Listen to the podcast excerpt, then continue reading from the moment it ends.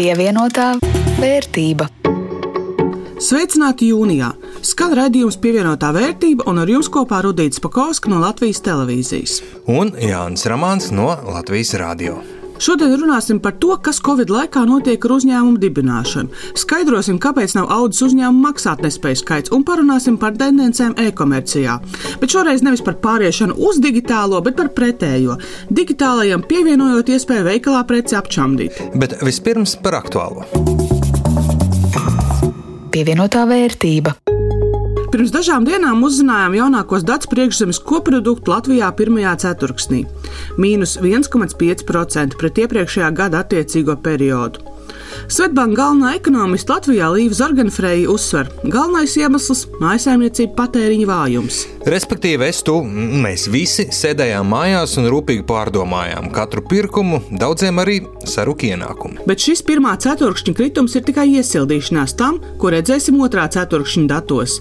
Zorganfreja uzsver, aprīlis bijis ekonomiski drūmākais mēnesis šogad, un maijā, lai gan atkopjamies līdz iepriekšējiem rādītājiem, vēl tālu, tālu. Bet viens, protams, ir statistika, otrs ir mūsu katra paša sajūta. Te citējuši Dainu Gašpuitu no SEB, otrā ceturkšņa dati uzrādīs dziļāku kritumu, taču dzīvojot reālajā laikā, smagākais varētu būt jau aiz muguras. Nu jā, bet tas, kas nav aiz muguras, ir plašās diskusijas gan Eiropas Savienībā, gan Latvijā par Eiropas atjaunošanas fondu. Eiropai jāpieņem budžets, kurā šie 500 miljardi grantos un 250 miljardi aizdevumos būtu paredzēti. Bet Latvijā kam un par ko dot? Latvijai šobrīd iezīmētos 2,9 miljardus neatmaksājamos grantos un 1,6 miljardu aizdevumu. Tad ir jāraugās, kā šie līdzekļi tiks iepludināti Latvijas ekonomikā. Ekonomika var ļoti labi stimulēt ar to, ka ir publiskie pasūtījumi nu, piemēram, publiskie iepirkumi, kas uh, sekmēs drīzāk atvesaļošanos. Tā pieļauj Daiga Kjopa no Lursoft. Ar viņu plašāk runājām par uzņēmējdarbības vidas rādītājiem, par to pēc mirkļa, bet Lūko Lursoft pamanījis publisko iepirkumu jomā. Tomēr, ja mēs paskatāmies publiskos iepirkumus tīri statistiski, tad uh, šobrīd mēs vēl neredzam to, ka uh, būtu būtiski pieaudzis publisko iepirkumu apjoms, nu, kas šo pieprasījumu palielinātu. Viņš turās tādā pat līmenī, aptuveni kāds viņš bija gan februārī, gan martā. Uh, un uh, kas ir vēl tāda īpatnēja tendence, ka tas gan, uh, kad uh, biežāk tiek apstrīdēti publisko iepirkumu konkursu rezultāti. Vēl uzzinājām, ka Latvijā varētu būt, ka plosās organizēta noziedznieku banda, kuras rūpals ir apzakt tehnoloģiju tirgotāju noliktavas, tā ziņo panorāma. Ir jautājums par organizētās noziedzības grupu, kas uzbruk daudziem Latvijas uzņēmējiem. Nesen pie lidostas cieta Elko. Biznesam ir ļoti svarīgi, ka šādas apjomīgas laupīšanas nenotiek. Tā raidījumā teica Džons Stālijs no uzņēmuma mikrotīkls. Jāatgādina, ka pirms trim nedēļām aplaupītais Elkor izsludināja 200 tūkstošu eiro lielu atlīdzību par informāciju, kas zagļus palīdzētu noķert, un nu izrādās. 2018. gada ugunsgrēks mikrotīkla noliktavā nav bijusi nejauša nelaime. Mikrotīkls smagi cieta, kad noliktavu nodedzināja pēc tam, kad tā bija aplaupīta. Tas noveda pie vēsturiski lielākās apdrošināšanas atlīdzības izmaksas Baltijas valstīs un sekmēja apdrošināšanas cenu kāpumu visā Baltijā. Uzņēmuma apdrošinātājs toreiz izmaksāja gandrīz 37 miljonus eiro. Ļoti sabremzējās jaunreģistrēto uzņēmumu skaits, un tas bija vērojams tieši aprīlī, jo īpaši Runātāja ir Daija Kijop no Lursaft. Iepriekš vidēji dienā tika reģistrēti 35 līdz 40 jauni uzņēmumi, tad šā gada marta beigās, aprīlī, dienā vairs tika dibināti apmēram 25 uzņēmumi.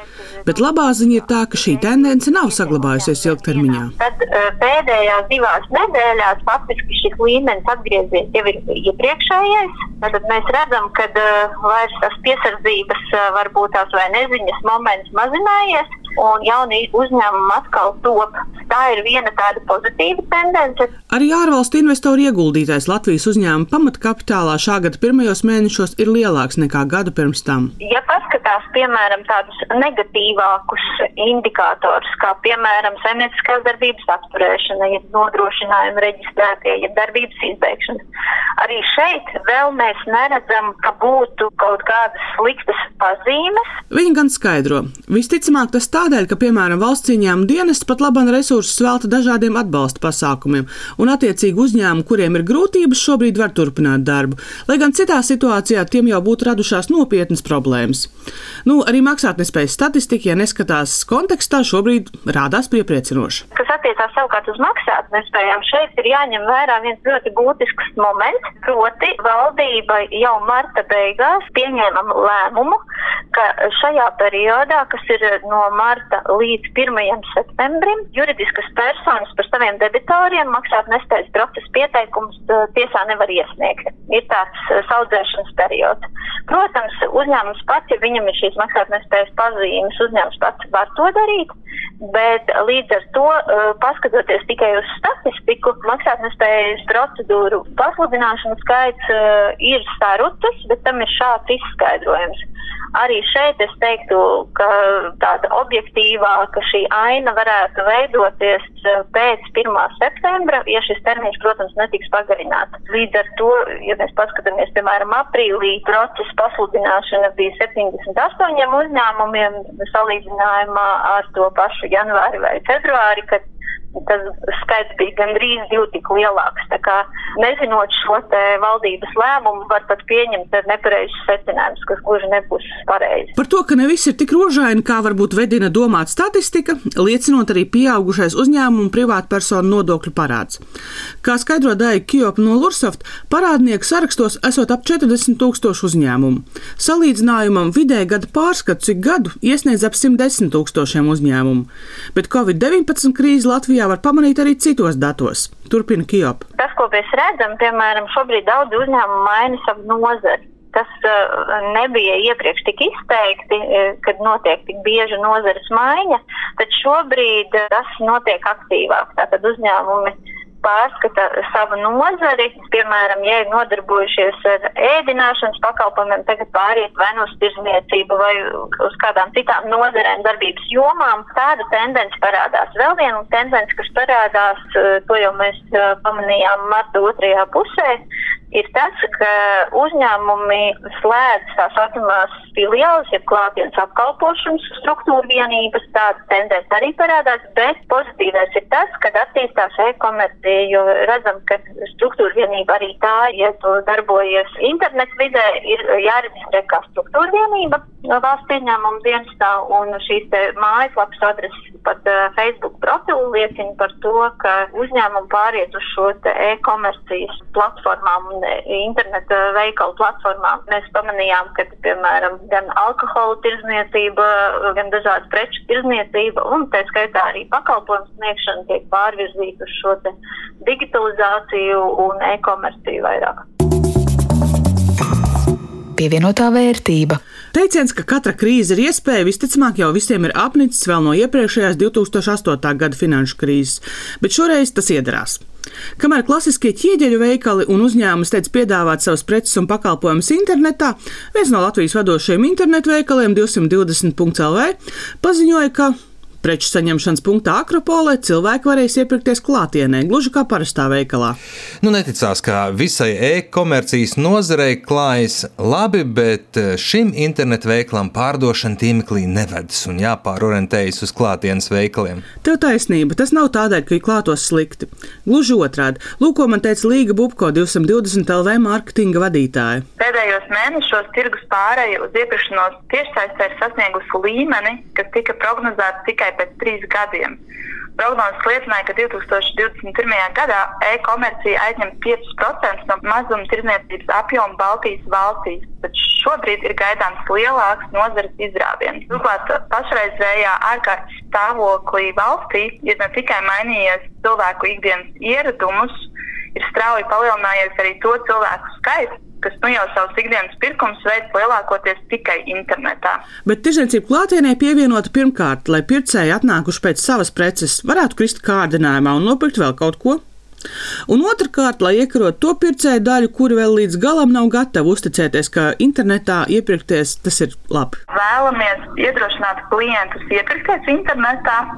Domāju, ka tam lieliski arī kalpos šie klātienes ekspozīcijas, kur klienti varēs iepazīties, apskatīt, pārliecināties par preču kvalitāti un jau nākamos pirkumus iegādāties internetā un tātad uz jaunajiem preču saņemšanas punktiem doties jau saņemt savus pasūtījumus.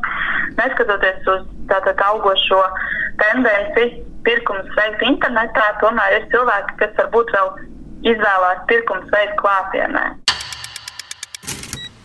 Bet ir nozares, kurām pāriešana uz e-vidi nav atbildi. Piemēram, turisms un viesmīlība. Latvijā restorāni ik vakaru rībināja katlus, atgādinot par nepildītajiem solījumiem kaut vai PVN mazināšanā. Tajā pašā laikā nekāda nodokļu mazināšana nepalīdzēs, ja nebūs klientu. Un daudziem jau daudziem par turismu atbildīgajiem nu jālauz galva. Kā cilvēkus vilināt izklaidēties?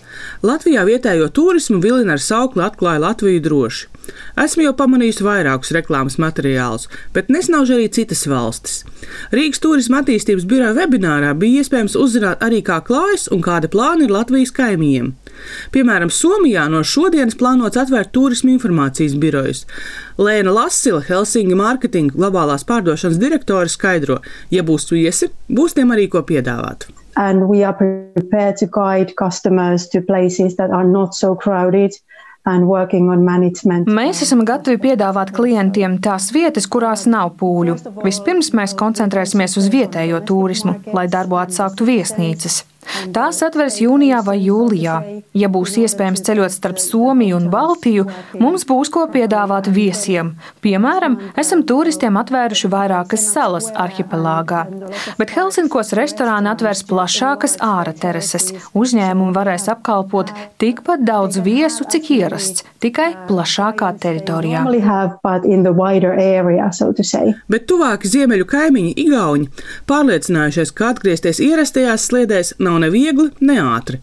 Turpina Helēna Čisto Pohlaka, vizita Tallinn mārketinga biroja vadītāja.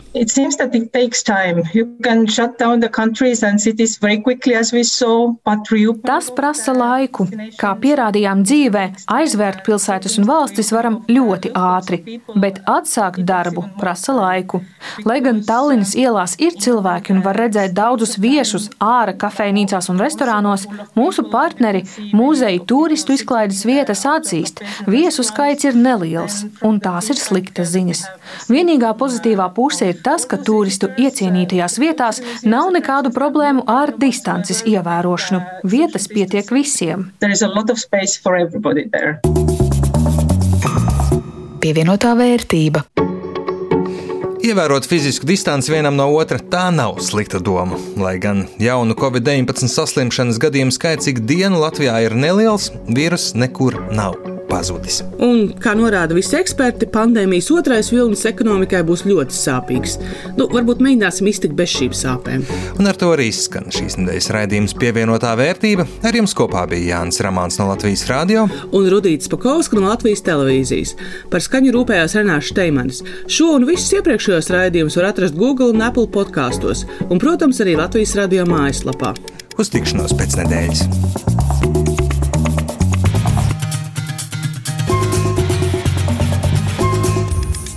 Pievienotā vērtība.